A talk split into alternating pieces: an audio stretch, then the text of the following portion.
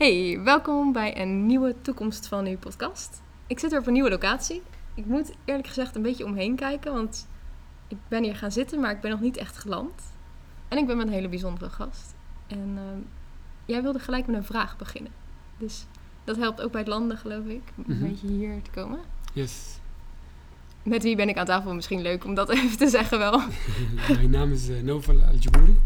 Ik, eh, wat onderaan mijn mail staat is docent duurzaam ondernemen. Oké, mooi. Die nemen we zo even Stanislas mee. Pro in Rijswijk. Leuk, kom ik zo even op terug straks. Mooi. Vertel, je vraag. Mijn vraag is, ehm, waar ben jij vandaag dankbaar voor? Ja, zal ik hem eerst beantwoorden? De vraag is aan jou. gooi ik hem na terug. En dan ben ik ook wel benieuwd waarom en hoe en zo. Eh, waar voel ik me nu dankbaar voor? Ik voel me vandaag wel heel dankbaar voor dat ik hier zit. Ik had vanochtend een interview met het NRC. Ik ben hier terechtgekomen via Jonas van de vorige podcast. Via via. En dat is zo vanzelf gegaan. Ik was eigenlijk alleen maar bezig met... hey, dit is leuk. La, la, la. hey, dit is leuk. Oh ja, ik doe ook die podcast tussendoor ik had het niet als werk meegenomen of zo. Mhm. En toen ging ik hierheen net. En toen dacht ik, dit is echt vet. Want eigenlijk is dit onderdeel van mijn werk. En het voelt zo moeiteloos. En het voelt zo heerlijk. Daar voel ik me heel erg dankbaar voor nu. Mooi. Dankjewel voor het delen. Ja, en wil ik hem ook graag terugstellen. Waar, ik Waar ben jij dankbaar- vandaag dankbaar voor? Ehm, ja, waar ben ik dankbaar voor vandaag? Ik ben vandaag dankbaar voor ehm, de tegendruk die ik ervaar Mhm. in de missie, die, eh, in de missie dat ik aan het uitvoeren ben op dit moment. Dat het af en toe even tegen mag zitten. Mhm. Dat ik bij mag schaven, bij mag sturen en even diep in mezelf graven van ehm, wat voelt goed, wat voelt niet goed en wat niet goed voelt, eh, wat wil ik daar tegenover zetten, wat wil ik daar tegenover manifesteren, wat wel goed voelt en, en lekker smaakt voor mij. Oké. En dat zijn continue lessen en waar ik van geniet. Want op het moment dat het goed gaat, dan ben ik aan het genieten en dan zit ik met mijn gezicht Ja. in de zon en als het een beetje tegen zit, ehm, dan groei ik. En ik zit nu een beetje in zo'n situatie Mhm. eh, waar ik ontzettend van geniet. Cool. Dus daar ben ik heel erg dankbaar voor. Ik voel hem helemaal vanaf de andere kant van de tafel. Mooi. En eh, ja, ik zei net ook, ik ben ook wel benieuwd. Je, je zei ja, ik wil graag dit doen in het begin. Daar heb je een bedoeling mee. Ja, ja. Vertel. Ehm, dankbaarheid voor mij is echt een hele grote thema in mijn leven. Mhm. En ik ben van mening dat als we in een dankbare energie zitten, eh, dat het, dat het in, van invloed heeft op, op, op onze energie samen en deze interactie wat we hebben. Mhm. En ehm, op zakelijk gesprek ook, ehm, als ik eh, bepaalde gesprekken of een meeting inga, eh, waar het kan, ehm, met mensen met wie ik echt frequent werk, heb ik het wel Mhm. aangegeven. Ik wil wel zo het gesprek beginnen. Zo kunnen we vanuit een open mindset, vanuit dankbaarheidsmindset mindset en energie, eh, iets manifesteren samen. Mhm. Zo cool. Dit is echt zo'n goed voorbeeld van dingen die eigenlijk heel simpel zijn. Die heel veel invloed kunnen hebben.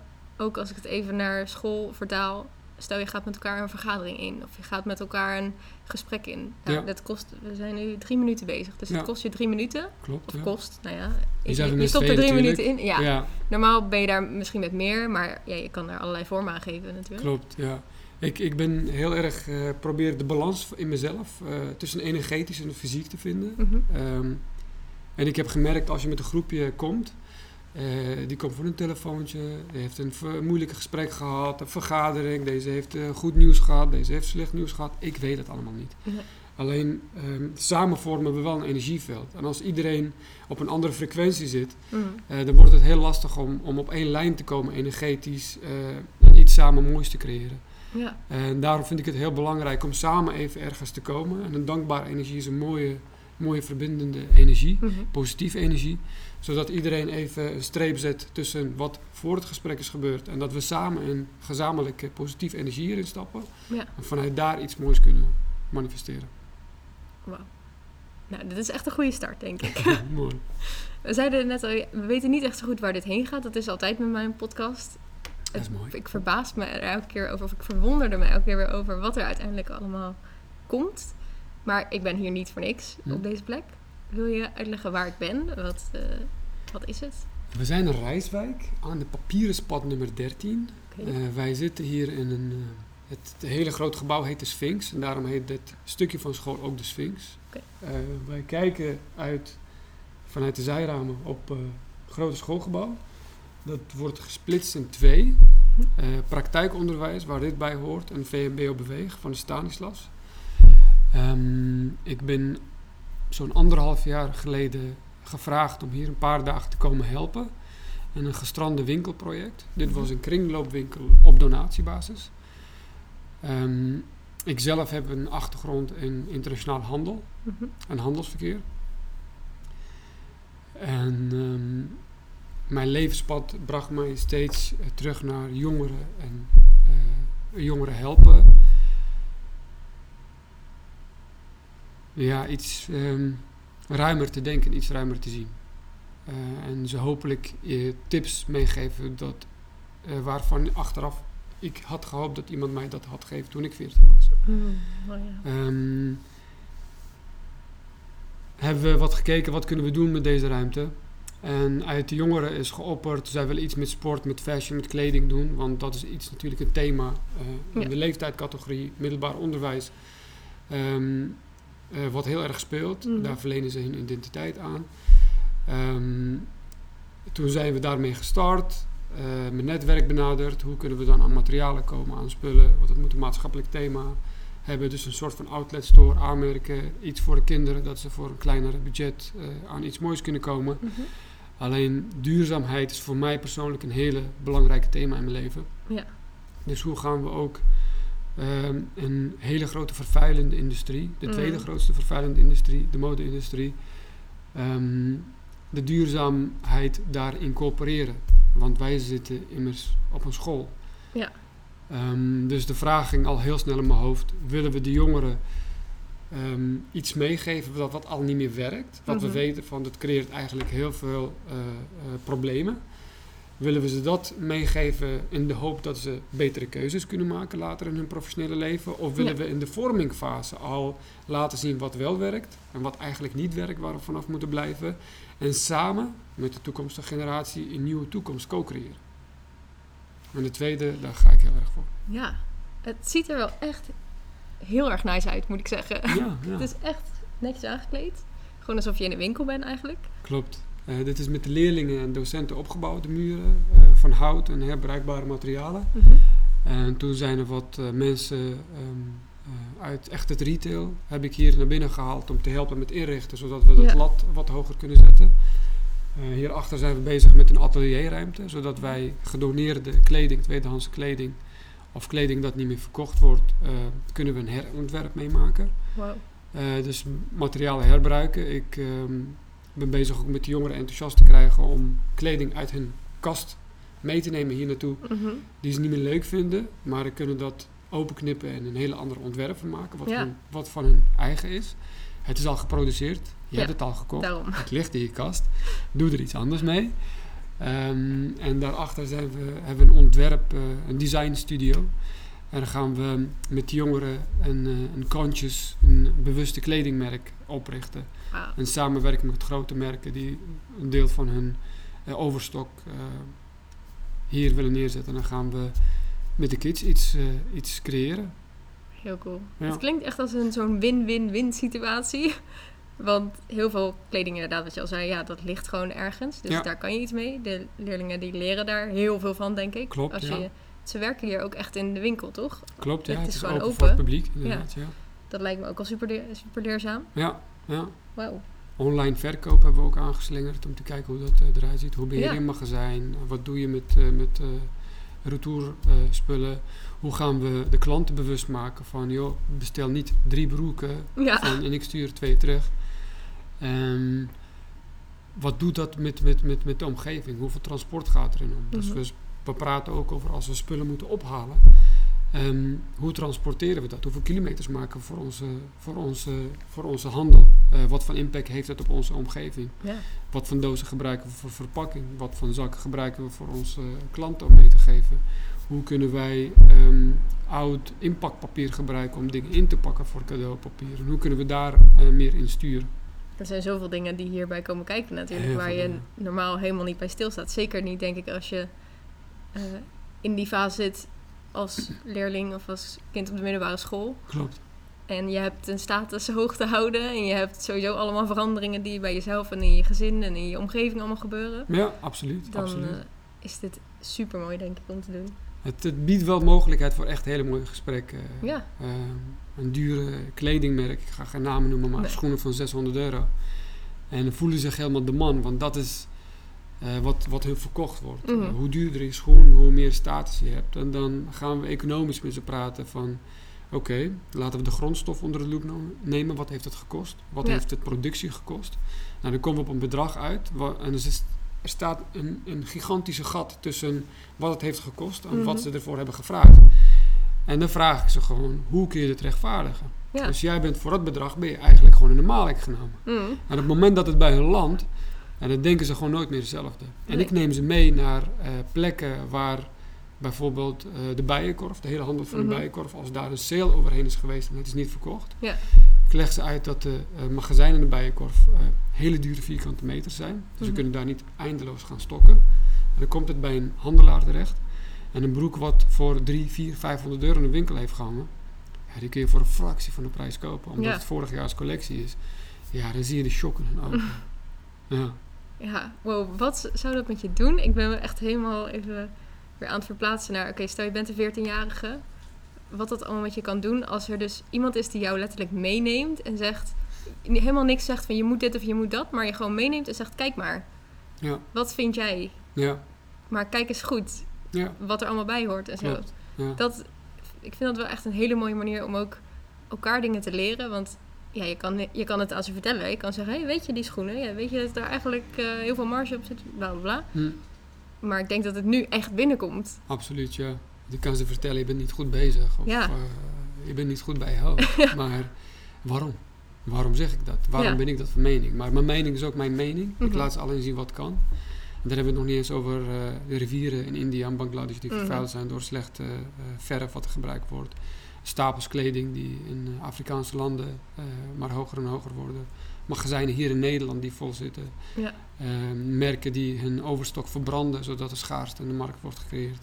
En allerlei praktijken die ermee gepaard gaan. En hoe lang willen we dat in stand houden? Ten behoeve van wat eigenlijk? Ja, waarvoor? Ja, Ja, dat is echt een echt bewustzijn. Dat zei je net ook. Ja. Bewustzijn was een belangrijk woord voor je. Ja. Ja. Wil je daar iets over vertellen?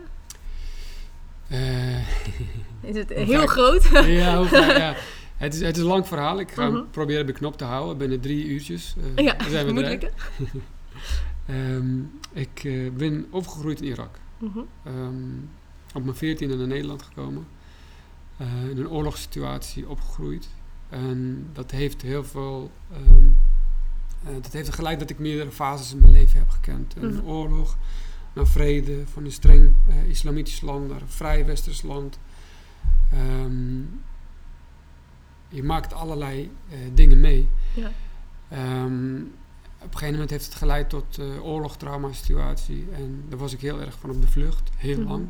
Ehm, en ik zocht mijn toevlucht in eerste instantie drank. En eh, feesten tot eh, het randje van het bestaan. Totdat ik wist wat ik...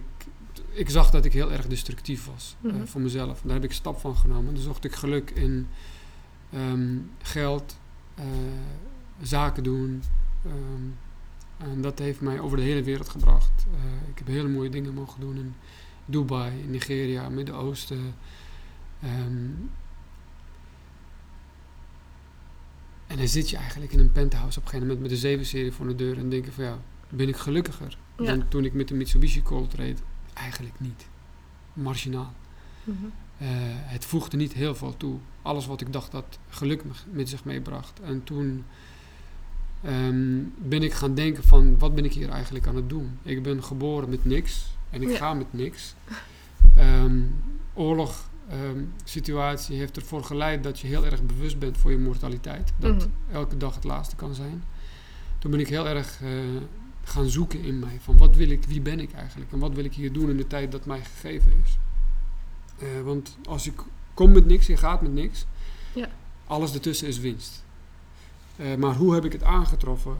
En hoe ga ik het achterlaten? Hmm. Toen heb ik ehm, eigenlijk alle stekkers eh, getrokken uit alles wat ik aan het doen was. En heel erg naar binnen gekeerd. En ja, mezelf alles opnieuw gaan vragen. Waarom doe ik dit? Mhm. Ehm, is dit iets wat voor mij is? Is het iets wat ik heb aangenomen van, van, van iemand anders? Ehm, zo ben ik mijn hele persoonlijkheid eigenlijk opnieuw gaan ondervragen. Wauw. En dat heeft allemaal nieuwe deuren voor mij eh, geopend. En hele nieuwe contacten en ontmoetingen. En ook met mezelf. eh, ja. Een nieuwe vorm van bewustzijn dus. ja, echt een nieuwe vorm van bewustzijn. Wat continu is. Ja. Wauw. Cool. Ik vind het extra ehm, dat je hier nu zit. Je krijgt zoveel eh, meer lading of zo, of meer betekenis. En, en ik denk, jij was 14, die kinderen hier zijn 14. Ik weet niet of daar een verband tussen zit, maar ik vind het wel opvallend Ja, ja, absoluut, dat, dat 14 nou ook weer terugkomt. Daar, daar moet je ook iets mee, dat moet in je hoofd zitten, denk ik. Of in, waarom ben je precies hier? Eh, gemanifesteerd, denk ik. Ik weet het wel zeker. dit, dit, dit spookte al in mijn hoofd al vier jaar geleden. Mhm. En nu zit ik hier een jaar en een beetje. Alleen ik wist niet welke pad ik moest bewandelen om in contact te komen met deze jongeren. Ja. En eh, deze groep vooral eh, eh, gaat echt aan mijn hart. Omdat ehm, we zitten in een omgeving... er zijn jongeren die vanuit de basisschool hier naartoe komen, de praktijkonderwijs. Mhm. die bungelen onderaan. Dus die komen al met het idee van, ik ben niet goed genoeg. Ja. Ehm, daar heb ik ook mee rondgelopen. Zij wonen in Nederland, Mhm. zijn geboren en opgegroeid in Nederland, maar heel veel van hun eh, komen uit de Turkse gemeenschap of een Marokkaanse gemeenschap of Bulgaars of Pools of eh, wat dan ook. En ik zie dat sommigen eh, op een eiland leven Mhm. in de maatschappij. En dat er heel veel dingen voor ze onzichtbaar zijn. En dat heb ik zelf ook meegemaakt. Ehm, ik heb hard genoeg gevochten om bepaalde deuren te vinden en open te trappen. Mhm. Eh, dat was niet vanzelfsprekend voor mij. En ik wil iets doen zodat zij een, een, betere kans kunnen krijgen. In, in de samenleving waar ze in zitten. Ja. En dat ze de verschillende facetten van deze samenleving beter, beter kunnen integreren in hun leven. En niet van zij zijn dit en wij zijn dat en iedereen zit op zijn eigen eilandje en elkaar veroordelen vanaf een afstand. ja, dat is wel makkelijk, van Ja. afstand. Ja, maar hoe kunnen we een brug bouwen? Ja. Dus eigenlijk ben je hier de hele dag bruggen aan het bouwen. Ja. En Ja. kleding aan het maken en verkopen. Ja, ja, ik maak het niet zelf, want ik ben niet zo heel erg handig, helaas. Maar eh, ik vind het wel mooi. Ja. Wauw. Ik ben ook... Dit brengt mij weer naar... Oh, ik zie honderd linkjes. ik moet even rustig aan. Ehm, wat jij zegt over... Ja, eigenlijk zie je je- jezelf in die kinderen. Maar jij, jij hebt allerlei dingen meegemaakt, allerlei ervaringen. Mhm. Dus je wil ze iets meegeven. ehm, zodat zij het anders kunnen doen. Of zodat zij... Ja, je wil ze die kennis en die ervaring meegeven. Ja. Ik denk dat dat voor heel veel leerkrachten een motivatie is om leerkracht te worden. Omdat je... eh, je, je wil iets heel goeds voor de kinderen. Je gunt ze van alles. En jij gaat ze dat helpen vinden of Ja. helpen brengen. En tegelijkertijd zie ik heel veel onderwijs wat helemaal niet is zoals dit. Wat ik hier ervaar is, dit komt vanuit een motivatie, vanuit wow, kijk maar. Eh, heel erg openend.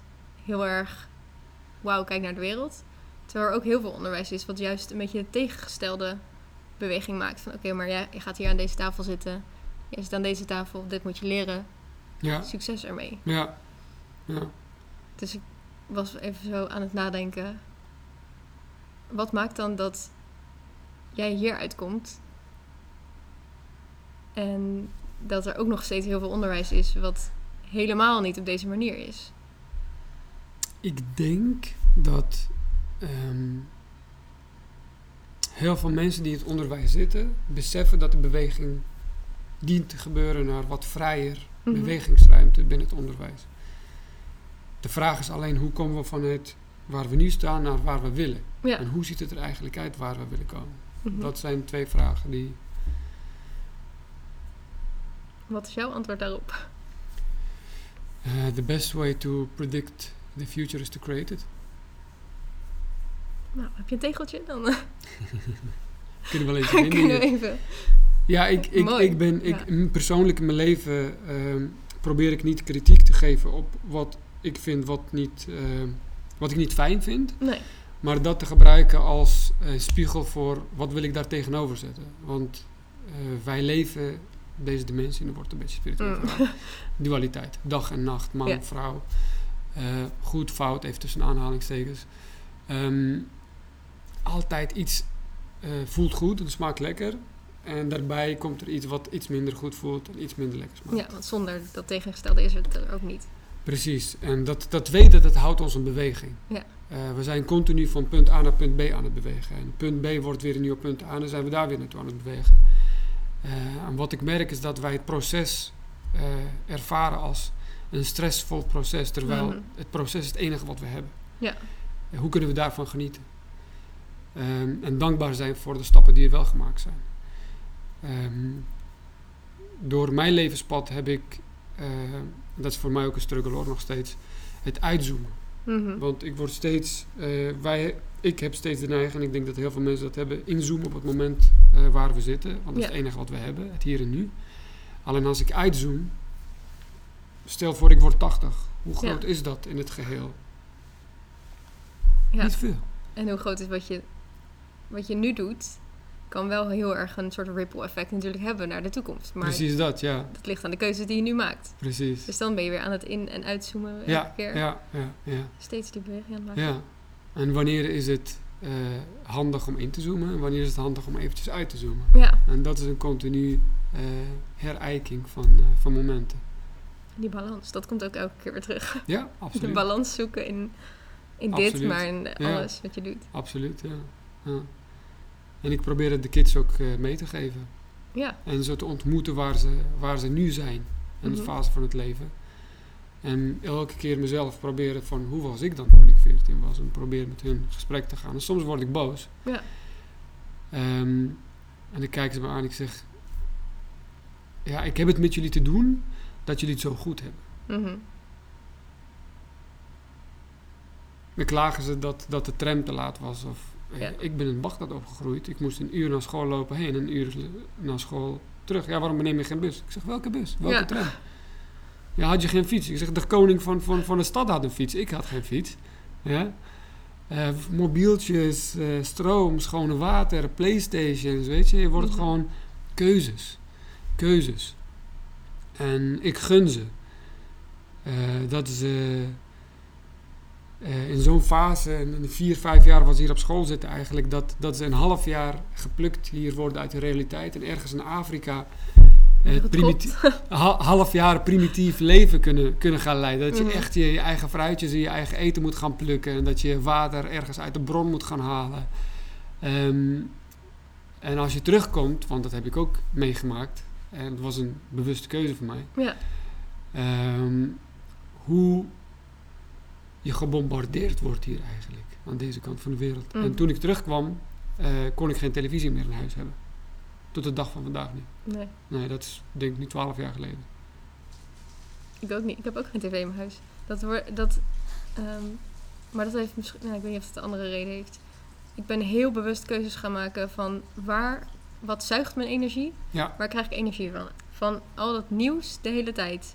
Van de hele wereld. Hm. Eh, zo, ja, ik heb heel erg ermee gezeten. Het is natuurlijk een soort balans tussen. Ik wil.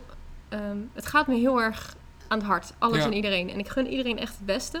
Maar de hele dag alleen maar horen. Daar gaat het niet goed. Daar gaat het niet goed. Dit is helemaal niet oké. Ja. Zonder dat ik er echt iets mee kan doen. Want het is vooral dat ik het binnenkrijg. Ja. En ik, ja, ik ga vervolgens gewoon weer verder met mijn leven. Dat matchte niet of zo. Hm. Daar hebben we- Onbewust gebeurt er natuurlijk wel iets met je. ja, Maar tuurlijk. er wordt intern een beeld gecreëerd dat de wereld onveilig is. Nou, en dat klopt volgens mij ook niet, want overal waar Nee. ik kom zijn heel veel hele leuke mensen. Terwijl ik heel vaak een beeld heb van bepaalde landen of bepaalde plekken. Ja. Of bepaalde, nou net als in Nederland zelfs al, door gewoon media, hoe dingen in de media komen. Dat ik merk dat ik een bepaald beeld heb, wat echt een vooroordeel is, op basis van informatie die ik heb gekregen. Terwijl als ik met mensen praat, zijn mensen eigenlijk 99% van de tijd zijn ze helemaal superleuk. En die ene procent, dan zit er iets onder waardoor ze iets hebben meegemaakt. Of waardoor ze het echt nu even niet kunnen Klopt. om dat er te laten zijn. Ja.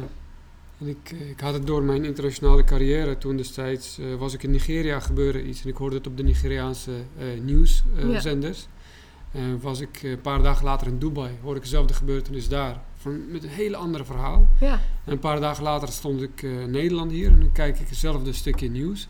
Dan hoor ik weer een heel ander verhaal. En ik denk, ja, wie vertelt de waarheid? ja, Ehm, en toen ik dat een paar keer had meegemaakt, dacht ik: oké, ik, eh, ik pas hiervoor. Ik, eh, ik trek me terug. Ja. En eh wordt het grapje verteld van ja, maar eh, heb je wel meegekregen dat COVID langs gaat? Oh, wat is dat dan? Ja. Ik kijk weer het nieuws, oorlog en ook, je hoort het wel. mhm. Ja, wat is, wa- wat is nieuws dan? Ik zeg ja, ik bel mijn moeder elke dag. Hoe is het met jou? Dat is nieuws. Ja. Dat is voor mij relevant.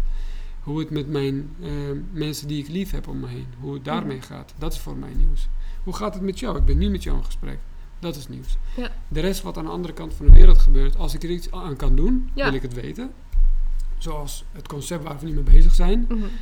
Ehm, dan wil ik weten wat gebeurt er wereldwijd en hoe kunnen wij vanuit hier ehm, positieve invloed op maken. Mhm. Want eh, het wordt wel daar geproduceerd, maar het wordt hier geconsumeerd. Ja.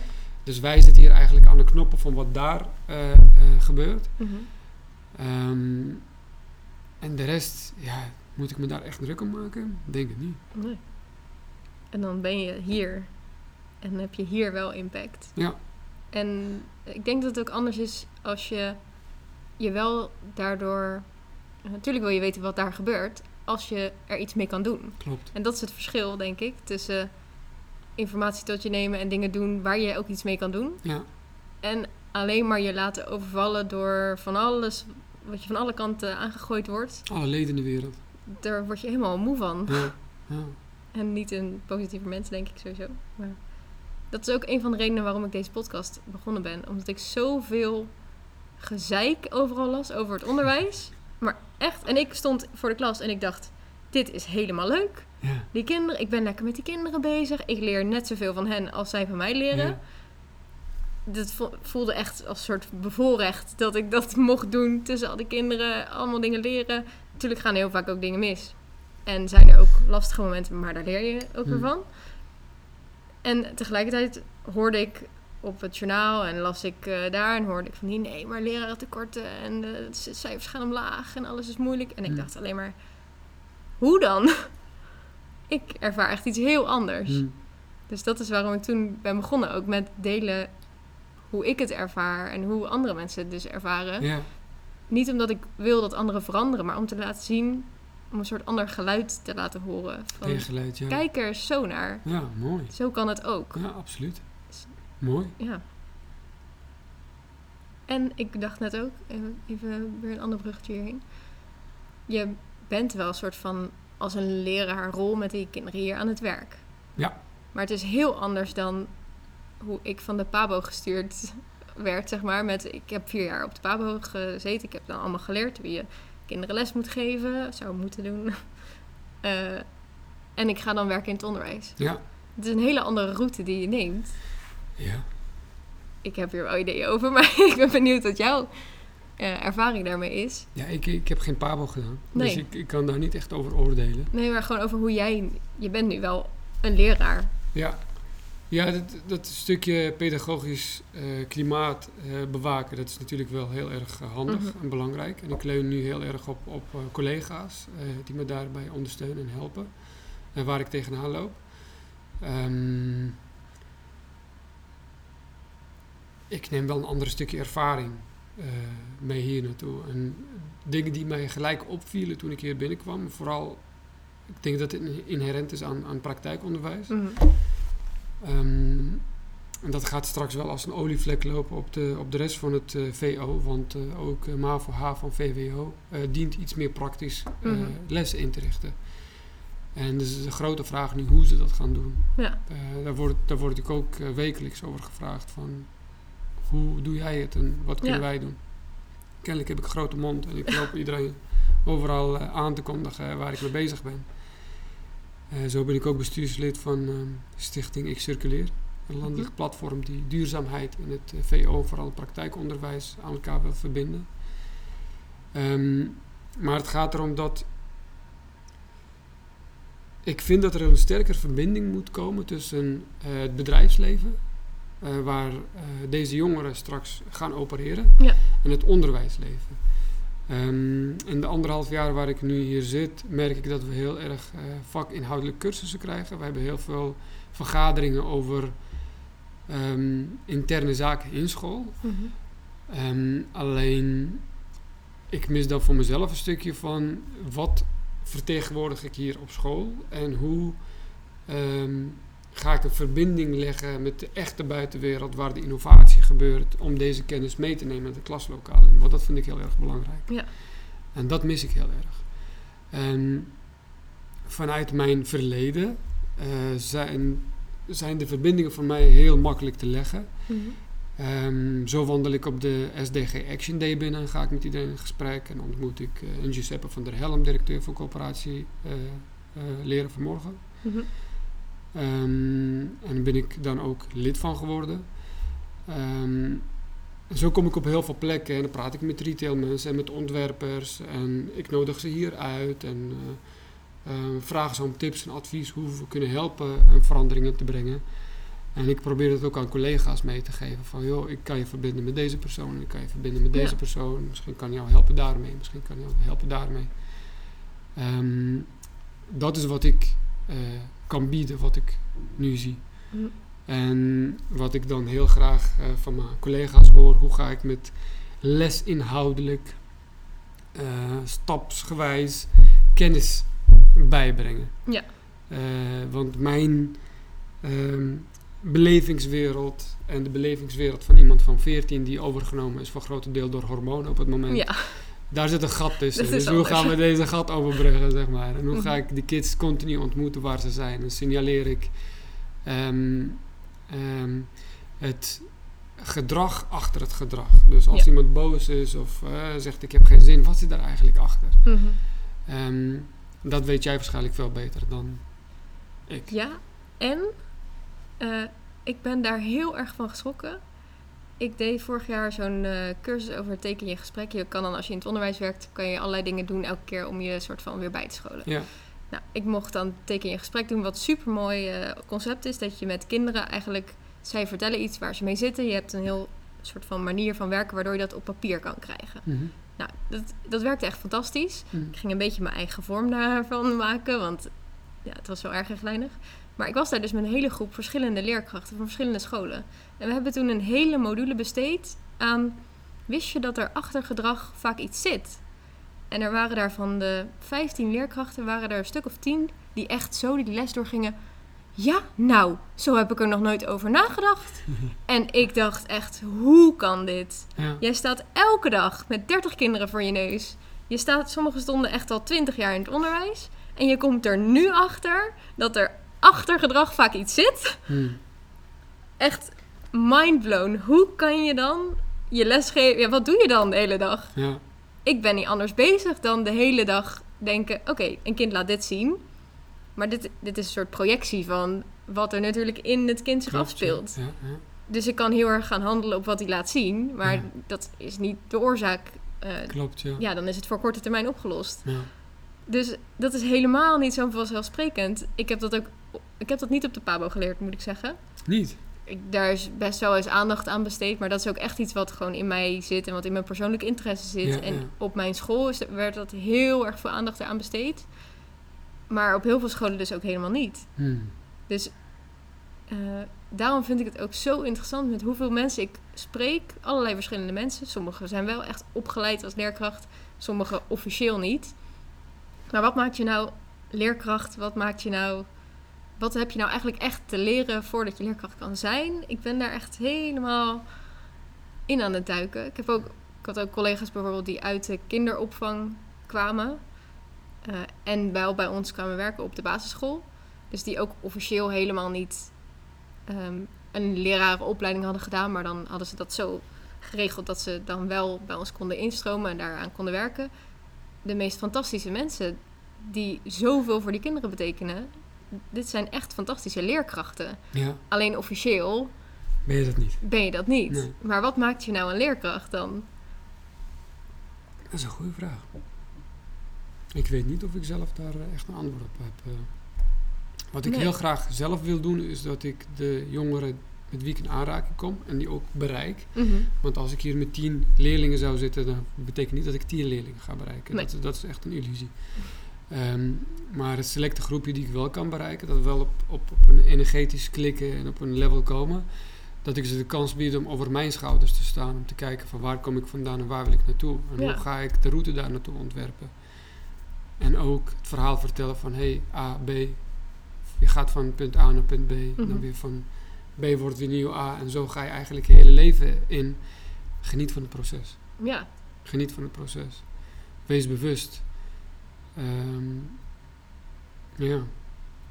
dus eigenlijk ben je in de eerste plaats, plaats mens. ja, absoluut. Ja. Ja. Nog meer dan dat je leerkracht bent. ja, En ik denk dat dat ook het verschil is met wat ik dan no- abnormale leerkrachten noem. Eh, omdat ik voel echt een verschil tussen hoe ik uiteindelijk leerkracht was, maar eigenlijk mens ben in de klas. En hoe ik daarvoor leerkracht aan het zijn was. Omdat ik, ik had geleerd op de PABO op bepaalde manieren hoe ik les moest geven. Eh, je ziet het dan in stages van je mentoren en zo. Van ja maar, ja, maar dit hoort er gewoon bij. Dit moet je gewoon doen. Of Hmm. dit, dit hoort nou eenmaal, dit hoort, gaat nou eenmaal zo. Ja. Dat soort zinnen. En pas toen ik dat los kon laten en ging kijken, oké, maar wie ben ik nu eigenlijk? En wat kan ik hier betekenen? ja, werd ik er zelf veel relaxter van. En merkte ik dat ik ook veel meer kon betekenen voor die kinderen. Want ik was niet meer bezig met... Ik moet dit geforceerd in dit hokje passen. ja, Maar ik ben. En dat werkt ook aanstekelijk natuurlijk voor de kinderen. Die dat het echt is. doen Het resoneert anders. met jou. Ja. En het is niet iets wat eh, van buitenaf theoretisch op jou opgelegd Mhm. Eh, waar je dan continu moet eh, denken en herijken wat het niet voor jou is. Maar als het echt voor jou is, dan komt het aan. Ja. Kinderen werken ook op energie, net als wij. Mhm. Ja, Ja, want ze zeggen altijd, kinderen zijn zo lekker puur en zo. Ja, dat, dat is ook zo, want ze zijn gewoon nog alleen zichzelf. ja, En ze zijn de wereld nog aan het ontdekken. ja. Dus alles wat ik mezelf al heb aangeleerd van hoe ik zou moeten zijn, dat hebben zij nog veel Nee, minder. Nee, precies dat. Dus dat is ook het mooie daaraan. ja. En da dat is ook waarom ik dit soort gesprekken zo mooi vind. Omdat het weer even je bewust maakt van wat doen we nou eigenlijk? En hoe kan het op heel veel manieren? Hm. In plaats van één manier die je vaak... ja, hoe doen we het en waarom? Ja. Waarom? Waarom? Ja. Oh, ik vind het echt heel erg interessant. Ik kan over dit soort dingen zo lang nadenken en spreken en zo. En dat is ook weer precies wat je net zei. Je bent gewoon nu. En soms moet je even uitzoomen van dit kan allemaal nog. Ja, Maar nu ben je hier. ja, Dus er gebeuren echt fantastisch coole dingen. Dat ik hier ben is heel cool. Deze plek is heel cool. mooi. Ja, En ik ben heel benieuwd wat dit gesprek in mensen weer aanzet. Dat moet iets raken ik ben benieuwd. in iemand. Ja, Bij deze gelijk de oproep. Als je dit luistert ja. en je voelt dat het iets in je raakt of iets met je doet, laat het ons even weten. Waar kunnen we jou vinden? Hier, In de winkel? hier en nu. ja. Ehm, kan wel een e-mail eh, vermelden onder de podcast of iets. Of Ja, eh, social media of LinkedIn. even. Of, eh, In de show notes. ja, Alles in de show notes. Absoluut, ja. Ik kom heel graag in gesprek met mensen die eh, iets willen weten, eh, waar we mee kunnen sparren, Mhm. eh, dat we van elkaar kunnen leren. Eh, graag, ja. Ik ben wekelijks op evenementen door het hele land. eh, We kunnen jou gewoon overal vinden. ja. En ik, eh, ik zat vandaag in mijn mail te kijken en ik heb een uitnodiging gekregen voor eh, de Duurzame Dinsdag. Oh, Hebben we het concept ook voor aangemeld. wauw. Hoe we de, in, vanuit onderwijs mode kunnen verduurzamen. Mooie stappen. Ja, Oh, super inspirerend. Dankjewel voor dit gesprek. jij bedankt. Ik ga hem afsluiten. En dan hoor je mij binnenkort weer bij een nieuwe gast. Hm. Wie dat is, dat ga ik nog niet verklappen. Dat hoor je binnenkort.